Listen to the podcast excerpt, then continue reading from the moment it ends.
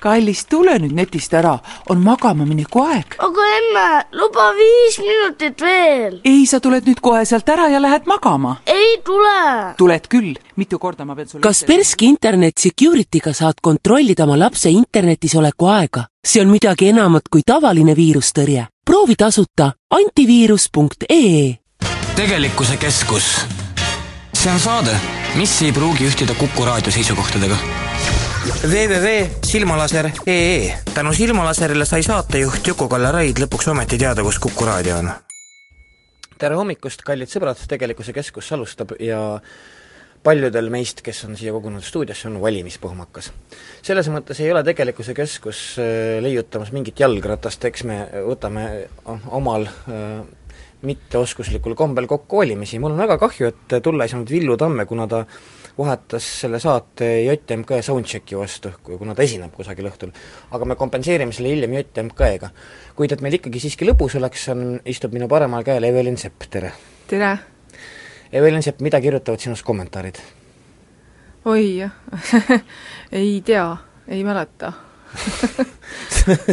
sa tead küll ei mäleta no aga ütle ikka, mitte midagi, no mida nad kirjutavad, kas mõni lahe kommentaar ka oli või? Ei no tõesti, kui ei mäleta, siis ei mäleta jumal küll, sa ei ole ju enam suures poliitikas, mis sa hämad? kuhu ma siis kadusin sealt? Äh, siit ka, ühesõnaga, kui keegi arvab, et ma hakkan Evelin Seppa kiusama siin saade läbi, siis ta eksib sügavalt, äh, sest seda ma teha ei kavatse küll, aga ma küsin kaks küsimust, mida nõuavad äh, e e Eesti rahva laiad ja, ja, ja väga laiad massid, Evelin, kas sa astud Keskerakonnast välja? ma ei ole seda kaalunud. Ja üldiselt vist meie erakonnaga kipub küll nii juhtuma väga sageli, et et sealt ei astuta välja, vaid halvemal juhul visatakse välja, aga, aga ma loodan siiski, et kumbki ei ole päevakorras. minul oleks palve Edgar Savisaarele, olge head inimesed seal, kes teil nüüd koos igasuguste noorte naljakate broileritega, visake Evelin Sepp välja, siis ei ole temaga häbi tänaval käia hiljem Evelin, kas no sa ei ole ju kunagi häbenenud seda, nii nojah, jah, ega ma ja täpselt, ega ma ei saa aru küll, kellega ma käin, see on tõsi. Et, et äh, aga kas sa lahkud poliitikast? ei, sugugi mitte, vastupidi, ma olen kohe taastamas oma mandaati Tallinna linnavolikogus ja mulle tundub, et sellel kevadel suur poliitika kandub vähemalt mõneks ajaks kindlasti Tallinnasse, noh, mis, mida, mis seda vääribki. aga ei, ei kindlasti mitte. mis sa veel tegema hakkad? No loomulikult otsin töiseid, uusi huvitavaid väljakutseid, nagu iga korralik inimene. See oli väga tore. minu vasakul käel istub geoloogiaprofessor Rein Einasto, et võrreldes geolo-, geoloogiliste protsessidega on valimised nagu titepiuks ja Evelin Sepp on ka võrreldes geoloogiliste protsessidega suhteliselt ajutine nähtus. mina küll ei ütleks niimoodi. inimene siin maailmas on ikkagi niisugune äh, väärtus, ainus liik, kellel on vaimsus, aga kes selle vaimsuse järgi kaugeltki piisavalt ei ole seni joondunud, ikka on need ainelised huvid esikohal olnud, ahnitsemine, mis sageli läheb äh, täiesti kõlbatuks. Ja mm, selle tõttu on paari sajandiga, aga kõige rohkem võib-olla viimase poolsajandiga, see meie kodune planeet ikka üsna vaeseks juba tehtud. ära kurnatud. kurnatud mitmes mõttes ja ikkagi väga haavatud. nii et on täiesti selge, et samamoodi edasi ei saa. aga vaat inimesed ei ole veel piisavalt sügavalt tajunud, et tõesti, mida see peaks tähendama, kui sügavad muutused peaks toimuma, et meie oleksime jätkusuutlikud ja ikkagi inimese vaimu väärilised, et vaimne keskkond muutuks ikka põhikeskkonnaks inimesele ja vaimne reostus, mis seni on kõigist reostustest kindlasti kõige suurem, väheneks sellise määrani, et vähemalt inimene võiks ennast ka ükskõik mis ea ikka jõudes tervena tunda. Rein, kuule, aga aga see vaimse reostuse vähendamine, millest me oleme siin sinuga Kuku raadios ennegi rääkinud, valimised on ju niisugune koht, kus noh, justkui on võimalus seda vähendada. mis sa arvad äh, nendest, mis olid?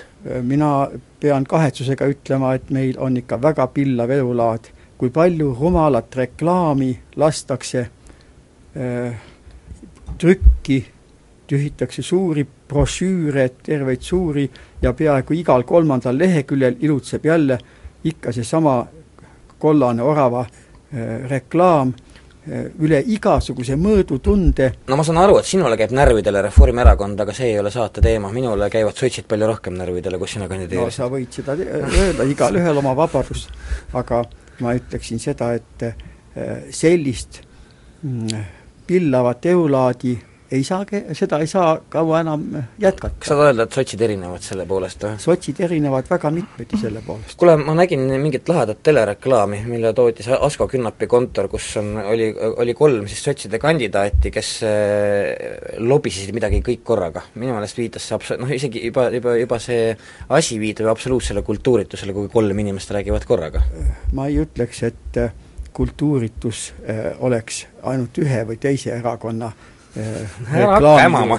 ma ei häma üldse, vaid ma ütlen, et see on inimkonna üldprobleem, et sealt, kus saab, tuleb hakata kokku hoidma ja reklaam on väga sageli sundreklaam, tähendab, ta on äh, täiesti sotsid ei teinud, sotsid ei teinud vähem reklaami kui ükskõik mis teine erakond? mõneti vähem reklaami. mina siin ja, aga ka mina ei astuks kaitseks välja sotside ja mina ei ütleks, et kõik see oleks hea et see reklaam oli, saab ka palju väiksema reklaamiga, tuntud inimesed ei vajagi reklaami, sest nad on juba ise piisavalt tuntud. see kõik, mida üle pakutakse, arvatakse, et meie elanikkond on nii vähe äh, vaimne, et ei saada aru äh, orienteeritakse väga, väga madala taseme peale. meil ei ole Eestis nii madal vaimne tase, et me peaksime reklaamiga ennast üle külvama. aga ju seda tehakse miskipärast. ja see on rumalus see on sellest maailmast pärit, mida suurriigid peavad tegema, väikeriigis, vaimses riigis ei ole seda vaja.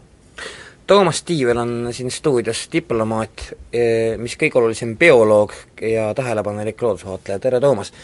sa toimetad Eesti Arengu Sihtasutuses ja, ja ja noh, käisid tegemas EXPO-t kui niisugust asja, kus justkui pidi Eesti riiki tutvustama, kas Eesti kui vaimne riik vastab sellele kuvandile, mida saab näidata? Ma tegelikult haakuks vägagi seda, sellega, mida äh, härra Einasto siin rääkis, tähendab äh, EXPO sellel aastal tegeles äh, linnade päästmisega. me tegelikult ei anna endale aru, kui habras see maailm on ja linnastunud on praegu viiskümmend viis protsenti maailma elanikkonnast.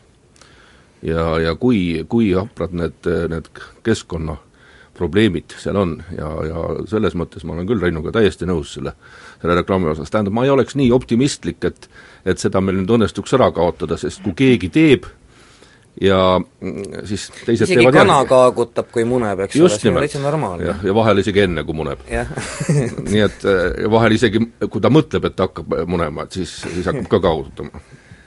aga äh, aga tegelikult eh, jah, kui nüüd valimistest rääkida, sest minu jaoks olid nad natuke igavad, ei eh, juhtunud eriti midagi, eh, jah, reklaami. No reklaam oli võrreldes eelmiste valimistega tunduvalt vähem, alustame sellest, eks ju. aga noh, eks, eks üle piiri jah, läksid minu meelest küll kõik. ma vist olen siin laua taga ainu, ainus mitteparteilane ei ole, mina olen ka mitteparteiline. sa kandideerisid? aga ma nimekirjas kandideerisin okay,. vabandust, siis, siis eksin. ma Keskerakonnale seda liigset reklaami sedapuhku küll ei saa ette heita, sest seda peaaegu ei olnudki, nii et selles mõttes ma Keskerakond oli täis, ma ei tea, kas kui tihe Vene telekanalit te vaatas oled, mina ikka aeg-ajalt vaatan, ma just kuulsin, et need olid linnasaated, et ma ei oska seda kommenteerida. täielik saiko, mis seal toimus. Neid nägin mina ka, jah, paraku. aga, aga siiski jah, aga nojah, aga, aga sellest ilmselt ei pääse, noh, jah vähendada saab igal juhul. vähendada saab igal juhul ja üks teine mõte, mis mul on pikka aega olnud, äh, jällegi haakub äh, eelkõnelejaga, äh, kandidaadid tähendab, võiks vaadata jällegi, see on loodusteadusest, võiks vaadata, kuidas keegi on arenenud. et mida keegi rääkis viis aastat tagasi, mida ta rääkis kümme aastat tagasi, seda nimetatakse, kas noh, Tarand teeb kliimavaatlusi, eks ole, on, on jälginud, kuidas Tallinnas kliima muutub, täpselt samuti võiks inimestega teha. et mida mingi tüüp ikkagi noh, mingil ajal rääkis. mis toimub inimese sisemongoolias. ja, ja ega inimene ikkagi tegelikult noh, võib-olla kord elus suudab muuta põhjalikult oma seisukohti. aga mina ei usu sellesse, et rohkem võib see tähendab, et, et selle järgi saab teada, mida ma võin sellest või sellest inimesest oodata, eeldada. aga meil on ju igasuguseid lahedaid kärbseid, kes lendavad parteist parteisse nagu koogilt no, koogile. no see ongi see, eks ole, et, et äh, mitte, et ma nüüd äh, ütlen, et, et alati tuleb märkida oma kompartisse kuulumine või mittekuulumine, jällegi kõikides parteides need on, ükskõik kui isamaalised nad on. kõikides on kommuniste endisi. noh, see ei ole mitte näitaja, aga, aga lihtsalt, et me teame, kellega tegemist on, seda me tegelikult ei tea ju. no aga mööngem siiski seda ka, et, et kui meil on, ütleme, kaks aasta aega soe, soe, soe, soe aasta aeg ja külm aasta aeg. Meil ei ole nii, ja, ja kui äh, soojal ajal keegi ütleb, et, et, et kanname sooja riideid ja, ja, ja külmal ajal, et kanname külmi riideid ja siis tuleb jälle uus hooaeg ja, ja ta räägib sedasama.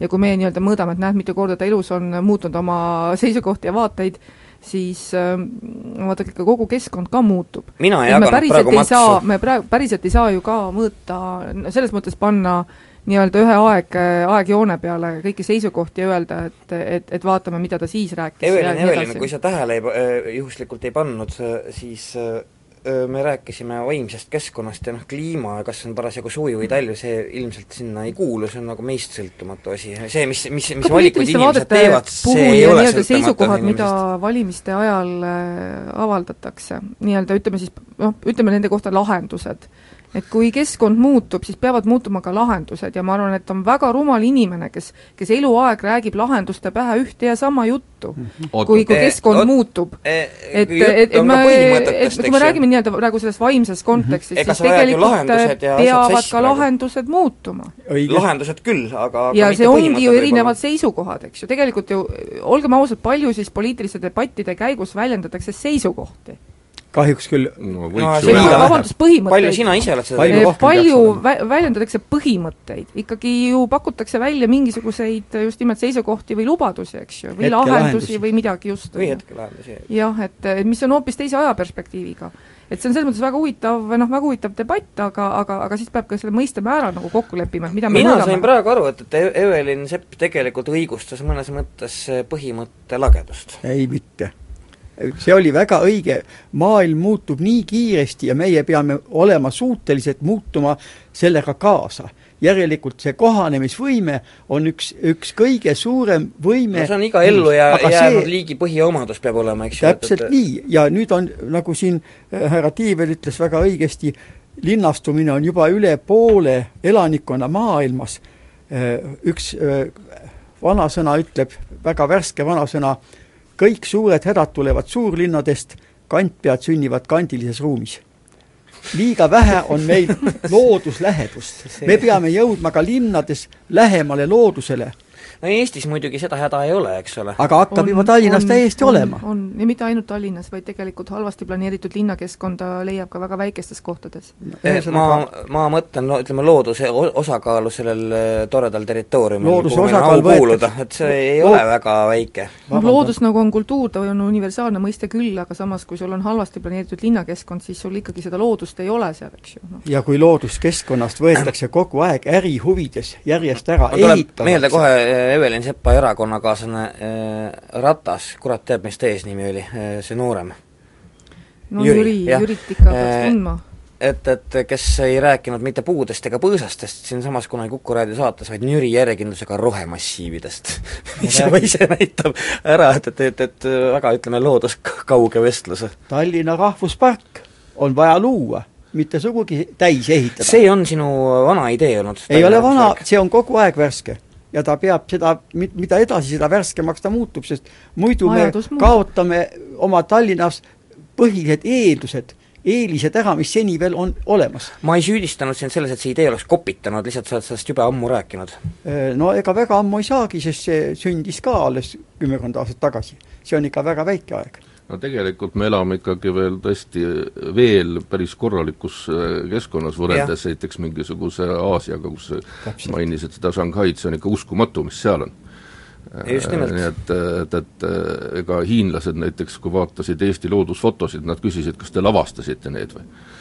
Nad ei, nad ei kujuta ette, mis asi on metsik loodus. meie ikkagi veel kujutame. no ega seda on ka eurooplane Euro, ka, täpselt samuti, nii et siin kui, kui ühte asja tänada Nõukogude võimu, siis see on see, et meil olid piiritsoonid. jaa, see on tõsi, see on tõsi, sellepärast et, et äh, piiritsoon toimis rannakaitsealana. et jah, ei, ei tehtud neid Sheratone ja, ja, ja McDonaldseid, eks ole, iga tõsi ta on ja seda tuleb osata hoida. tegelikkuse keskus. see on saade, mis ei pruugi ühtida Kuku raadio seisukohtadega www.silmalaser.ee tänu Silmalaserile sai saatejuht Juku-Kalle Raid lõpuks ometi teada, kus Kuku raadio on. tegelikkuse keskus jätkab, stuudios on Elevil Sepp, Rein Einasto, Toomas Tiivel. oh, millest selline tähelepanu mulle pidev, Juku? sest sa meeldid mulle. et, et äh, lõpuks ometi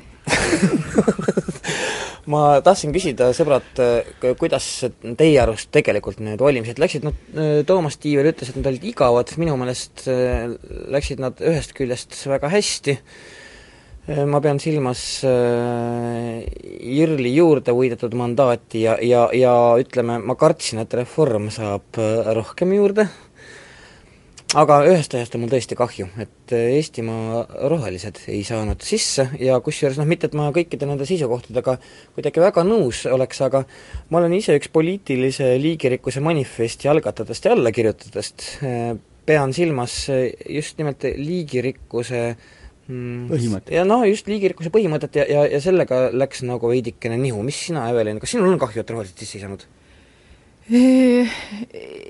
Tegelikult ei ole.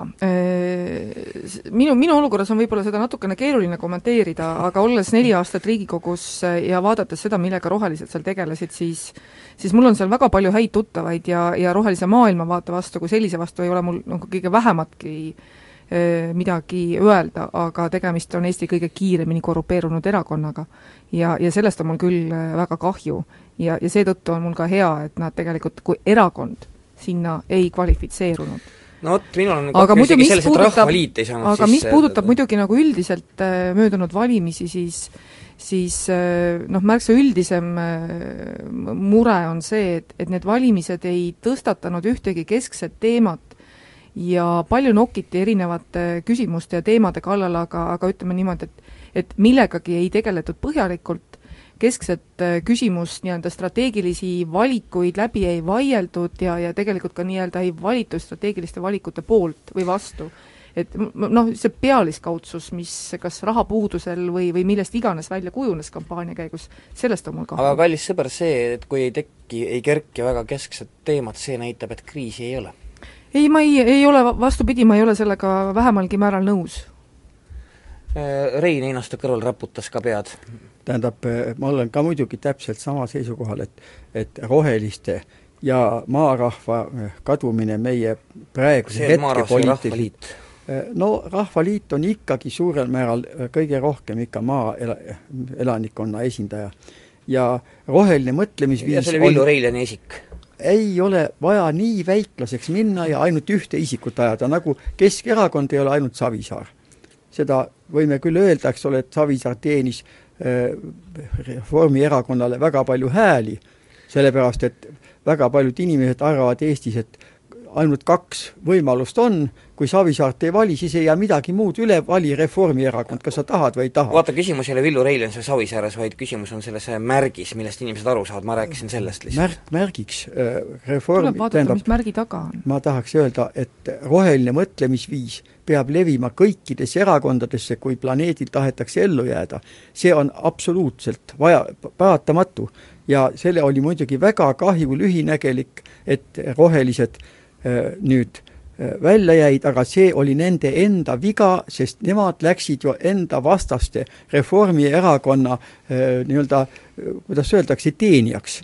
see, et nemad sinna Riigikogusse läksid, oleks, see oli suur viga ko koalitsiooni oleks vähemuskoalitsioon edasi olnud, ei oleks asi üldse nii tasakaalust välja läinudki Eestis. no aga Marek Strandberg oli äh, osav saagima sedasama puud, mille all ta seisis, mis tal No- lõpuks ka pähe lajatas. no aga milleks me üksikisikutest teeme nüüd terve mõtlemisviisile sellise mm, ma saan aru, et sa oled viisakas inimene, aga saad põhimõtteliselt aru, millest ma räägin. ma saan aru ja ma ütlen, et Strandberg on ju ökokapitalist, aga mitte läbinisti roheline mees. aga mis on ökokapitalismil viga?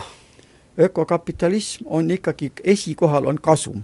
aga peab olema keskkond, peab olema heaolu kõigile, aga mitte ainult väikesele no me seltskonnale. oleme tulnud ka ühiskonnas, kus esikohal oli kahjum kõigile. nii et, et, et Ei selles ole- mõttes kasumis ma ei näe ka nüüd midagi halba. kasum, kui ta liiga kuhjub väheste kätte, siis on see traagika. nii, sotsialismi me siin jutustama ei hakka. Toomas Tiivel, minul isiklikult on kahju, et rohelised sisse ei saanud. just. Eelkõige muidugi selle, selle mõttelaadi pärast ja noh, persoonidest nüüd okei okay, siia-sinna. aga üks asi, mis veel, kuidas öelda, mind natuke on muretsema pannud, on, on ikkagi vastutuse küsimus. ja, ja see on see, mis äh, kui inimesed midagi lubavad, siis peaks seda ka tegema, järjekindlalt. Et, et äh, siin alguses ma rääkisin seda monitooringu küsimusest, ma ei pea sugugi silmas, et et inimene jäigalt on ühe seisukoha juures, vaid just nimelt, eks ole, muutuvates oludes, aga sealt saab teada, mida võib sellest inimesest eeldada. ja kas ta vastutab oma sõnade eest. no ütleme, kas ta räägib endale, ütleme, kahe aasta pärast täiesti vastu Jah, või jah. ei räägi, eks ju, või teine on- asi näiteks see, et kui, kui sa kedagi kritiseerid, siis on, peaks olema põhimõte see, et hästi, et kui pead sina asja hakkama vedama, et siis võta see vastutus. Tähendab, ära kritiseeri tühjalt mm. -hmm. ja siin mulle väga meeldis kunagi, see oli vist äh, Laari valitsuse mm, kas oli viis aastat sellest või kümme aastat, oli üks konverents, kus ma käisin. ja ma ei mäleta, kes see oli, kas see oli Marju, Marju Lauristin, kes ka kuulus tol ajal valitsusse, ütles seda, et et vaadake, me tegime eksimusi, me eksisime palju, me ei osanud. aga ta julges seda tunnistada ja mulle oli see väga sümpaatne. See on harv sest nad äh, kritiseerisid seda endist, eks ole, noh, punasest ideoloogiast läbinud valitsust ja nad võitsid valimised ja võtsid vastutuse. ja see oli sümpaatne mina, kes on niisugune üsna agar Facebooki kasutaja, siis minul mõni aeg tagasi oli üks päris huvitav arutelu seal ja see puudutas just sedasama re- retoorikat, et mida, mida erakonnad nii-öelda oma valimisprogrammidesse sõnastavad. ja, ja, ja seal tekkiski väga niisugune selge arusaam, et tegelikult sõnastatakse lubadusi, loosungi näol, aga, aga aga ei sõnastata lahendusi. et, et, et, et kõrged maksud, madalad maksud, aga, aga see, mil-, mida ju tegelikult inimesed, mida nad siis tunnevad, mitte seda lõpptulemust, eks ju, vaid, vaid seda, seda protsessi, et mis, millest nad ilma jäävad mida nad siis juurde saavad, eks ju, et mis on see, mis on see nagu see suurem hüve või väärtus, üle pika see aja ma kuulen Evelin Sepa suust täiesti arukat juttu, Rein, see on jumala tõsi, protsessi, protsessile ei pöörata tähelepanu, mis on väga-väga oluline, et, et, et kõik räägivad lõpptulemusest, mis on niikuinii kaheldav, kui me protsessist aru kõik ei saa. tahavad paremat elu. see on ju lihtsalt nii sellepärast ei elementaarne. oleks vaja valimisi vaja korraldada, eks ju. ja, ja tähendab, erakonnad ju erinevad, eesmärgid peaks olema kõigile ühised, eks ole, ainult et vahendid võivad erinevad olla. ja ma kujutan ette, eh, ikkagi planetaarse seisundi juures peab jälle kordama, et ökosotsiaalne mõtlemisviis, ökoloogiliselt on see loodusepoolne, sotsiaalne, ei ole hoopiski nii sotsialism, nagu sina kogu aeg interpreteerid. sotsiaalne on kõiki arvestav noh, mina See on ini- inimsõbralik. normaalne eh, ökokapitalism on ka kõiki arvestav, sellepärast et ükski normaalne ökokapitalist eh, noh, ütleme võib-olla erinevalt Strandbergist ei saa seda puud, millal ta seisab. ja kas kõike on võimalik arvestada? no kõike ei ole kindlasti kunagi võimalik arvestada, muuseas ka, Jah. ka ökosotsiaalsuse juures, uskuge mind, üllatusi, alati, üllatus alati tuleb küpsiseid teha puude vali, näeb alati. valikuid ja, ja need on, alati on miski millegi arvelt. ja valikut, valikutes äh, võimalused ja järjest on avardunud, järjest raskem on sageli valida, järjest rohkem on tarkust vaja, et ikka üldse õigeid valikuid teha, aga muidugi siin väga õigesti öeldi eelmisel, just Toomas rõhutas, et peab olema julgust ka tunnistada oma eksimusi, siis on kergem ju leida õiget teed. ja mina ei tahaks küll sinuga kuidagi nõus olla, et Evelinil on äh, sageli väärad seisukohad olnud, mina olen kogu aeg nautinud tema, nautinud tema mm, sõnaosavust nendes diskussioonides, mis sageli Riigikogus on olnud aga Rein, meie need hädad, ega need valikuhädad ja, ja äh, tulevad sellest, et äh, inimesi on liiga palju? Äh, see on üks planeedi häda kahtlemata, juba Rooma klubi ütles seitsmekümne teisel aastal välja, et kõigel on piirid. Ja, ja, ja, ja kui piiramatu kasv, täpselt sama ressursside poolest. ja kõik sa... läheb palju kallimaks. elu ei saa enam nii odav olla, aga praegune põhihäda on ebaõiglus selles inimmaailmas. ja õiglus ja hoolivus on need kaks põhimõistet, mis peavad tulema sisse äh, täpselt selle, mida me nimetame sotsiaalsuseks. kõiki arvestama, aga mitte ainult oma rikkust suurendama ja äh, rikkus võib olla vaimne või aineline. senine on kuidagi see vaimne rikkus tahaplaanile jäänud. me peaksime kultuuri igal juhul prioriteediks seadma ja majandus kui vahend on hea rikkaliku kultuuri jaoks vajalik no,, aga, aga tõsi. mitte rohkem. seda ütleb ka meie põhiseadus, miks Eesti riik on olemas. aga, aga Reformierakond kahjuks seab siiski eh, majanduse esikohale ja ütleb, et enne saame rikkaks, siis vaatame, kuidas meil selle õiglusega saab olema. see ei ole õige tee sellest on, on juba Eesti niimoodi muistelugusid ju, ju räägitud ja kirjutatud sellest väikese ja suure Peetri no. see toidupaunast, eks ju, et, et, et eks see, eks seesama mõistelugu ka selle olukorra kohta no, eks vastab ka küsimus, et kui rikas peab olema selleks, et et teised ka jah, võiksid saada et, et see on see küsimus, tähendab, et ma noh, mitte ma saan aru, et Rein Einarson teab, kui tohib ei, et mitte, et ma pooldaks, pooldaks seda seisukohta, aga ma arvan ka, et, et tähendab ikkagi äh, kultuuri tegemiseks peab olema teatud jõukus, vot mis asi see teatud on? jah, aga head sõbrad, mulle meenub sellega tuhande üheksasaja neljakümne aasta, neljakümnenda aasta ajakiri Looming, suvenumber vahetult peale Eesti okupeerimist toodud, kus olid Ilfi ja Petrovi reisikiri Ameerikast. kus nemad kohtusid siis Ilfi ja Petrov, kes olid Nõukogude delegatsiooniga äh, satiirikutena siis Ameerikas, nad kirjeldasid, mida nad seal nägid ja nad olid Fordi tehases ja siis seal oli üks äh, hasartne tööline, kes äh, ametiühingu tegelane ja niimoodi, kes käis umbes mutrivõti pihuse ringi ja, ja karjus, et kapitalistidelt tuleb kõik äh, raha ära võtta ja jätta igalühele ainult kolm miljonit. Ja siis, kui Ilf ja Petrov küsisid, ah miks just kolm, siis äh, ütles seesama tööline, aga vähem ei või, muidu hakkavad kapitalistid mässama. Nii et ka selles on oma iva. Ei no praegu minu jaoks on põhiline kindlustatus. kõigil peab olema see äh, elu hädavajalike asjade ja vahendite olemasolu, see meil ei ole, meil ei ole Eestis selles suhtes üldse nii hull. Meil Tead, on ei... väga palju äh,, siiski suur osa elanikkonnast on liiga vaesed ja väike osa on jälle minu jaoks ikkagi liiga rikas. Aga... mulle tundub, et, et, et siin noh, me praegu räägime nagu rahalises mõttes, eks ju, vaesus, rikkus, aga, aga, aga vastupidi, see vaimne, vaimne rikkus kipub olema üks ei välsi teist äh, tahaplaanil. kipub olema nagu täpselt vastupidises äh, noh, nagu proportsioonis no,, aga, aga enne siia stuudiosse tulekut mina täna olen hommikust kuhu sa tulid tunnikadaksoga? Äh, olen hommikust veetnud enam kui kolm tundi sellistel mõttetalgutel, mida pidasid Eesti Emade Ühendus kes lahkas eh, laste õigusi Eestis ja, ja, ja nii-öelda räägiti erinevaid kohutavaid lugusid, mida Eesti nii-öelda kohtusüsteem, lastekaitsjad, sotsiaaltöötajad ja, ja, ja kõik muud rõõmsasti kaasa aitavad nende, nende sünnile ja, ja siis ma küll mõtlesin, et, et see ei ole võimalik, et see, see juhtub kõik siin Eesti Vabariigis. ja põhimõtteliselt on kõigil ükskõik. Äh, Rein Einasto, ühest küljest äh, kui sa näed tõesti, mida kritiseerida, seda teed, on see tore, aga igas kriitikas võiks olla mingi konstruktiivne alge. ja, ja teine punkt on see, et, et äh, kas ei kipu tihtipeale olema nii, et, et liigne kriitika kipub minema virisemiseks? jah, on, on väga sageli virinat, kui ei ole konstruktiivsust, aga konstruktiivne on minu arvates juba väga ammu maailmas väljas ütleme, töötatud seni, kuni paremaid ei ole, senikaua on see pro-, progressiivne tulumaks igal juhul selline vahend, mis on palju riike jõukaks teinud ja äh, vaesust tohutult vähendanud ja, ja see on minu arvates õiglane süsteem, isegi sellisel juhul, nagu kunagi äh, ma lugesin Jaapani kohta, ülirikkad ko-, kompaniid maksavad kuni üheksakümmend kaheksa protsenti riigi tuludesse ja sellest kahest protsendist elavad nad ikka piisavalt jõukalt, neil ei ole rohkem tarvis.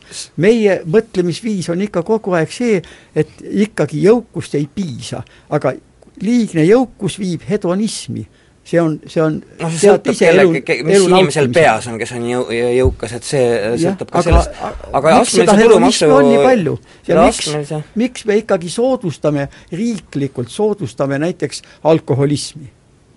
miks me seda ei piira, nii nagu Soomes näiteks või Skandinaavia maades. muuseas äh, ikkagi äri kas sa oled lugenud Raimo Pullati, kas sa oled lugenud Raimo Pullati raamatut Viinameri? Ja, ja siis sa peaksid teadma, et keeluseaduse ajal hakkas Soome rahvas kolm korda rohkem jooma ei, küsimus ei ole mitte lubamises ja keelamises, vaid küsimus on ju pigem väärtustes ja, ja selles, et mida sa nagu soodustad, on ju. no just nimelt. et, et, et noh, siin annab küll ikka nagu keelamine ei muuda midagi, või kui see seal ma alustasin oma, oma, oma, oma juttu, et, et keelamine ei, ei ole lahendus, vaid, vaid nii-öelda need sisulised ja. äh, ideed on see, mis mis võiks pakkuda lahendust okay,. see on Evelinil jumala õige, tähendab äh, ma näiteks seesama suitsetamine, suitsetamise keelamine, ma olen ise piiputõmbaja, ma ma tõmban piipu kodus.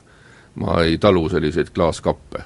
aga aga ma ei ole küll seda meelt, et nüüd keelame täiesti ära ja see lahendab probleemi. üks artikkel, mis ma kunagi lugesin, üks, äh, kas see oli Nature's või kuskil ta oli, ühed teadlased olid, äh, olid noh, vähemalt nende uurimuse järgi, et äh, inimkonnas või inimgruppides narkootiliste ainete tarvitamine on konstant. Küsimus on, milline see narkootiline aine on. kas see on alkohol, kas need on mingid seened, kas, need on mingid liimid, kas kohv on ka? ravimid no,. ravimid, eks ole, nii et tegelikult kui me siin keelame alkoholi ära, aga siis tekib mingi väga käbedalt tekib asendusaine. Äh, aga selle astmelise tulumaksuga enne muuseas, ka mina olen suitsetaja, sellepärast on siin ette nähtud reklaamipaus, et ma hakkasin vahepeal suitsu tegemas käia. Et, et astmelisest tulumaksust nii palju, et Rootsis, mida sa justkui noh, vihjamisi kiitsid, Rein, juhtus Astrid Lindgreniga niisugune lugu, kes sai Maksuametilt mingil hetkel teatise, noh, see oli suhteliselt ennem tema surma, kus äh, kus ühesõnaga temalt nõudi rohkem maksu, nõuti rohkem maksu, kui ta teenis. mille peale Astrid Lindgren avaldas Dagens Nyheteris, see Rootsi suurimas päevalehes, kuulutuse, et kallid lapsed, ärge ostke minu raamatuid, te teete mind vaeseks. Rootsi lõpetas sellega, et kõik tööandjad, suuremad tööandjad kolisid Rootsi riigist minema, sest lihtsalt seal ei olnud mingit mõtet oma puhveteid pidada. Lähme suitsetama. tegelikkuse keskus see on saade, mis ei pruugi ühtida Kuku raadio seisukohtadega. www.silmalaser.ee tänu Silmalaserile sai saatejuht Juku-Kalle Raid lõpuks ometi teada, kus Kuku raadio on. Tegelikkuse keskus jätkab stuudios Evelin Sepp, Rein Einasto, Toomas Tiivel ja telefonil on Andres Herkel. Eh, sina oled sii-, Isamaaliidu kampsun, kes erinevalt Nutist äh, siiski õnneks äh, Riigikokku pääses. ja sina oled ka see inimene, kes üritas mulle äh, Äh, Tommy grillis, see on säästumarketi puhvet niisugune, äh, õlut juues selgeks teha, milline on Eesti valimissüsteem. juba jälle ei, ei saanud mitte midagi aru no,. tere! Räägi uuesti. Äh, Eesti valimissüsteem on tegelikult loogiline, aga inimestele tihtipeale raskesti aru üheksateistkümnenda sajandi matemaatikut. ja, ja seda oli selles valimiskampaanias ka tunda, tegelikult ega ma tuhkagi ei tea, mis te seal saates eespool olete rääkinud. see ei ole ka oluline. mul, mul nimelt toimub praegu äh, kohtumine või tänuüritus oma, äh, oma, oma valimismeeskonnaga aga ma ütleksin, et Eesti valimissüsteem on äh, vaatamata keerulisusele siiski küllaltki loogiline, et meil väga paljud tulevad jälle ütlema, et oleks vaja niisugust majoritaarset süsteemi, et äh, sada üks ringkonda ja kes kõige rohkem hääli saab, osutub valituks, et seal on üks nõrk koht, nimelt äh, see ei taga esindatust nendele poliitilistele jõududele, kes eraldi võttes võib-olla üheski ringkonnas sellisel juhul ei võidaks, aga kellel oleks äh, siiski piisavalt toetust ühiskonnas. ja äh, olen tähele pannud ka seda, et väga paljud inimesed kuidagi, nende arusaamine Eesti valimissüsteemist on selline, nagu see valimissüsteem oli meil üheksakümnendatel aastatel. tegelikult ta on väikestes nüanssides muutunud põhimõtteliselt jäänud samaks proportsionaalseks süsteemiks, kus hääli antakse ühe korraga kindlale kandidaadile ja ka erakonnale, mis on päris tasakaalustatud süsteem minu arvates, aga teatud nüansid on siiski muutunud ja nad on muutunud minu arvates positiivses suunas, ehk selles suunas, et valija hääl tõepoolest loeb rohkem.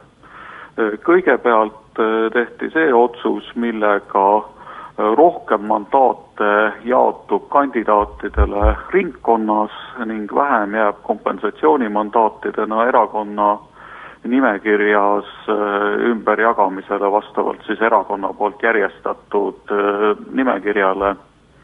ja siis tehti veel ka see muudatus, mis ütleb, et teatud miinimumnivoost alates inimene, isegi kui ta on erakonna nimekirjas ütleme teoreetiliselt number üks või number kaks, ei osutu ka kompensatsioonimandaadiga valituks, kui ei ole teatud miinimumhääli, see sõltub nüüd valimisringkonnast ja ja matemaatikast seal, aga ütleme jämedalt, et see piir on kusagil kolmesaja hääle kandis enamasti. sa äh, rääkisid äh, nendest inimestest, kes omavad ühiskonnas kaalu ja kes võib-olla ei osutuks valituks, see on muidugi tõsi, me ennem rääkisime siin reklaamist, et ütleme, et need tegelased, kes ei viitsi pidevalt Kroonika esikaanelt töllerdada, siis neid teatakse vähem ja Rein Einasto vehib juba viimased tund aega näpuga. Tähendab, minu jaoks on sügavalt ebaõiglane see, kui kolmesaja häälega saadakse erakonnas sisse ja kahe poole tuhandelised kes olid üksikkandidaadid, jäid välja. see süsteem peab ikka nii olema isikuvalimistel ikkagi, kes saab absoluutselt enam hääli, läheb igal juhul sisse ja kes jääb vähemaks, selline isikuvalimise süsteem peaks igal juhul lähiaegadel ikkagi kehtima panema. no Toomas Tiivel raputab hasartselt pead selle peale. kuidas on vastutusega? partei on, mis ta on, aga tal on ikka distsiplineeriv, tähendab kuidagimoodi see vastutab selle, selle isiku eest. Ja miks need üksikkandidaadid, kandidaadid ei ole ikkagi, kas meil tõesti ei leidu selliseid parteisid, kus nad võiksid no tähendab oli..., teine asi on muidugi see, et, et millega Marinuga olen absoluutselt nõus, et, et noh, seesama kuidas öelda, peale sunnitud järjestus parteide siseselt mm, -hmm. et kas see on see kõige õigem, ikkagi noh, rahva poole no eks see partei et need nimekirjad võiksid, jah, et see võiks ka avatud olla, mitte selline kindel, aga, aga siin noh, see, tähendab, see üksikkandidaadi asi on palju keerulisem tegelikult. võib-olla on lihtsalt ma pooldan või... seda, aga, aga noh, siin ei ole asjad paigas. Toomas, võib-olla on ka asi selles, et võib-olla on tõesti meie valimiskünnis liiga kerge, ma isegi kaldun seda arvama. mis sina arvad? no see viis protsenti on liiga, liiga palju. no viis, praegu sa nägid, mis tulemus oli, eks ole, neli parteid, kunagi vist ju ka sellest äh, sellised äh, sotsiaalküsimustega tegelevad kah teadlased äh, leidsid, et Eestis on parteisid liiga palju, noh, kas, kas, kas me siis nagu nüüd, jah, kas me nüüd siis oleme õnnelikumad, et meil on need neli?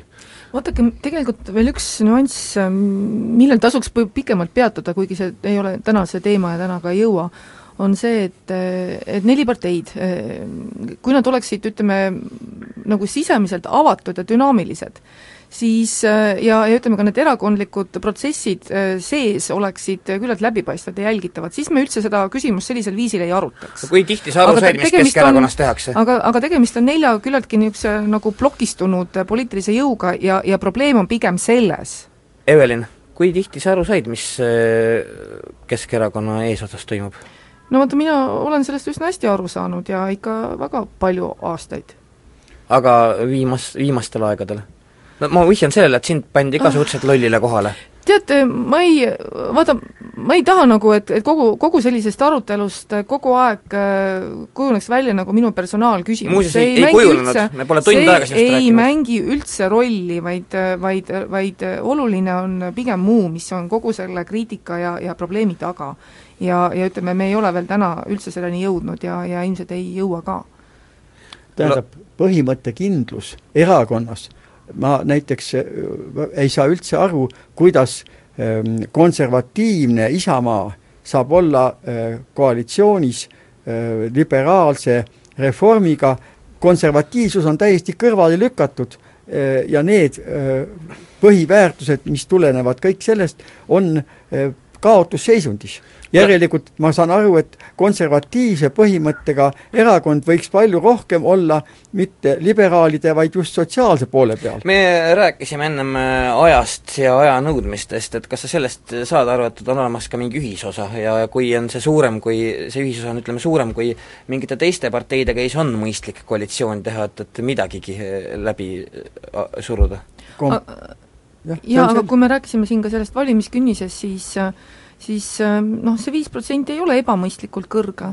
aga, aga ja noh, ütleme, kui me vaatame ka need eelnevate aastate väljajääjaid, siis ega neid nappe väljajääjaid ei ole, et sel juhul peaks ta olema ta juba a la kuskil kaks protsenti, aga, aga mõt-, mõelgem siis nagu niimoodi laiemalt selle peale, et mis siis toimuks Eesti parlamendis, kui meil oleks neid kahe häälega erakondi seal näiteks äh, kahekümne või kolmekümne hääle jagu. armeenlased proovisid, väga naljakas oli. ja, ja ütleme, et, et see, see tegelikult, see tegelikult ei ole see, mida me tahame. Andres, sina, kes sa öö, oled ainukene täna liinil olevatest inimestest poliitik, ütle, mis sina sellest valimiskünnisest arvad? no valimiskünnis on välja mõeldud selle jaoks, et parlament ei oleks väga killunenud ehk siis on niisuguseid näiteid, kus äh, erinevates riikides on olnud äh, proportsionaalne valimissüsteem ka ilma valimiskünniseta või väga madala künnisega ja siis on neid poliitilisi jõude hirmus palju parlamendis, nad ei suuda omavahel kokku leppida, koalitsioonid on ebapüsivad ja nii edasi. see on asja üks pool. ma, ma teisipidi nagu näen, et Eestis praegu see vist väga suur probleem ei ole, et pigem, pigem vastupidi Äh, see olukord, kus parlamendis on ainult neli parteid, see on ju esmakordne. et Eesti valimistel on alati rohkem parteisid ja tegelikult valimissüsteem ka kuidagi dikteerib minu meelest seda, et üks viis-kuus jõudu oleks parlamendis esindatud, aga valimiskünnise puhul äh, noh, üldiselt äh, seda peetakse mõistlikuks, mingit niisugust rahvusvahelist nõuet ei ole, et valimiskünnis on sobimatu. Äh, küll aga öeldakse aeg-ajalt, et valimiskünnis ei tohiks olla kõrgem kui viis protsenti, et see mhm. viis protsenti, mis Eestis on, et see mahub nagu niisugustesse mõistlikkuse piiridesse. no siin oli enne valimisi oli juttu kolmest protsendist. jah, võiks olla küll. Äh, oli juttu kolmest protsendist ja mõnedes riikides see on ka kolme protsendi peal, väga paljudes riikides on ta viie protsendi peal, aga ma ei arva iseenesest, et see äh, valimiskünnise probleem on kõige suurem probleem see, millele Evelin Sepp osutas, et kuigi meil Riigikogu kolleegidena oli, oli väga palju olukordi, kus me ei olnud ühel meelel, aga minu meelest ma olen Eveliniga praegu küll, küll nõus selles, et see eh, jäämäe alumine osa, mida tegelikult inimesed tihtipeale ei näe, kuidas toimib erakondade sisedemokraatia, et see eh, on väga oluline küsimus. Ja kui nüüd küsida, et kust tulid need üksikkandidaadid, eh, siis Äh, nii suurt hulka hääli üksikkandidaadid kunagi varemalt saanud ei ole ja mina arvan mis viitab teatud rahulolematusele? et üksikkandidaadid väljendavad mingisugust rahulolematust või mingit meeleolu ühiskonnas iseenesest võib öelda jah, et äh, sa oled ju üksik, sa ei ole suutnud organiseeruda, et kõigepealt looge organisatsioon, tehke poliitiline jõud ja siis edasi. aga mulle tundub, et üksikkandidaadid mingil moel andsid nendel valimistel märku ka sellest, et äh, erakondade sisedemokraatia reeglid äh, on üsna arusaamatud. paigast ära, ütleme ka ikka, täitsa paigast ära aga need valimised näitasid, et asi läheb ainult hullemaks tegelikult. Andres Herkel, läheb asi ainult hullemaks või? ma ei arva, et asi nüüd hullemaks läheb, aga, aga eks see sõltub meist kõigist ja siin on teatud mõtlemiskohad.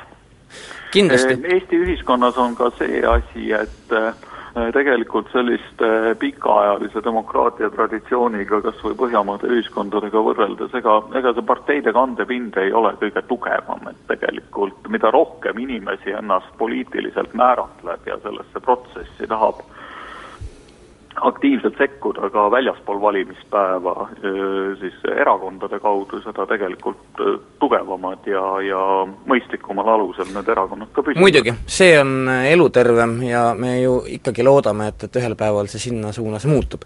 aga saade hakkab lõppema. Tänane saade oli selle poolest erandlik, et stuudios istus veel üks inimene, Postimehe keeletoimetaja Maris Jõks, kes ei öelnud mitte midagi. tere, Maris! tere! ja sellega me lõpetame ka saate. St-, stuudios oli Toomas Tiivel, kes on bioloog ja diplomaat, geoloogiaprofessor Jaan Einasto Rein Einasto. või Rein Einasto, vabandust, Reinukene. siis telefonil oli poliitik Andres Herkel ja oli veel ujuja Evelin Sepp. kohtumiseni järgmisel nädalal, JMK lõpetab Ujuja. saate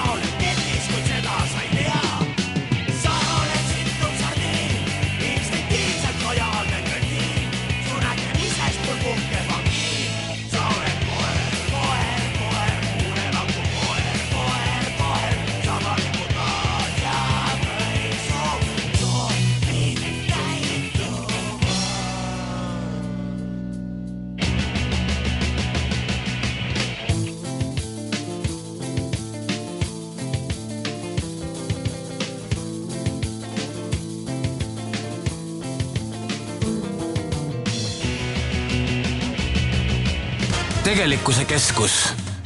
see on saade, mis ei pruugi ühtida Kuku raadio seisukohtadega. www.silmalaser.ee tänu Silmalaserile sai saatejuht Juku-Kalle Raid lõpuks ometi teada, kus Kuku raadio on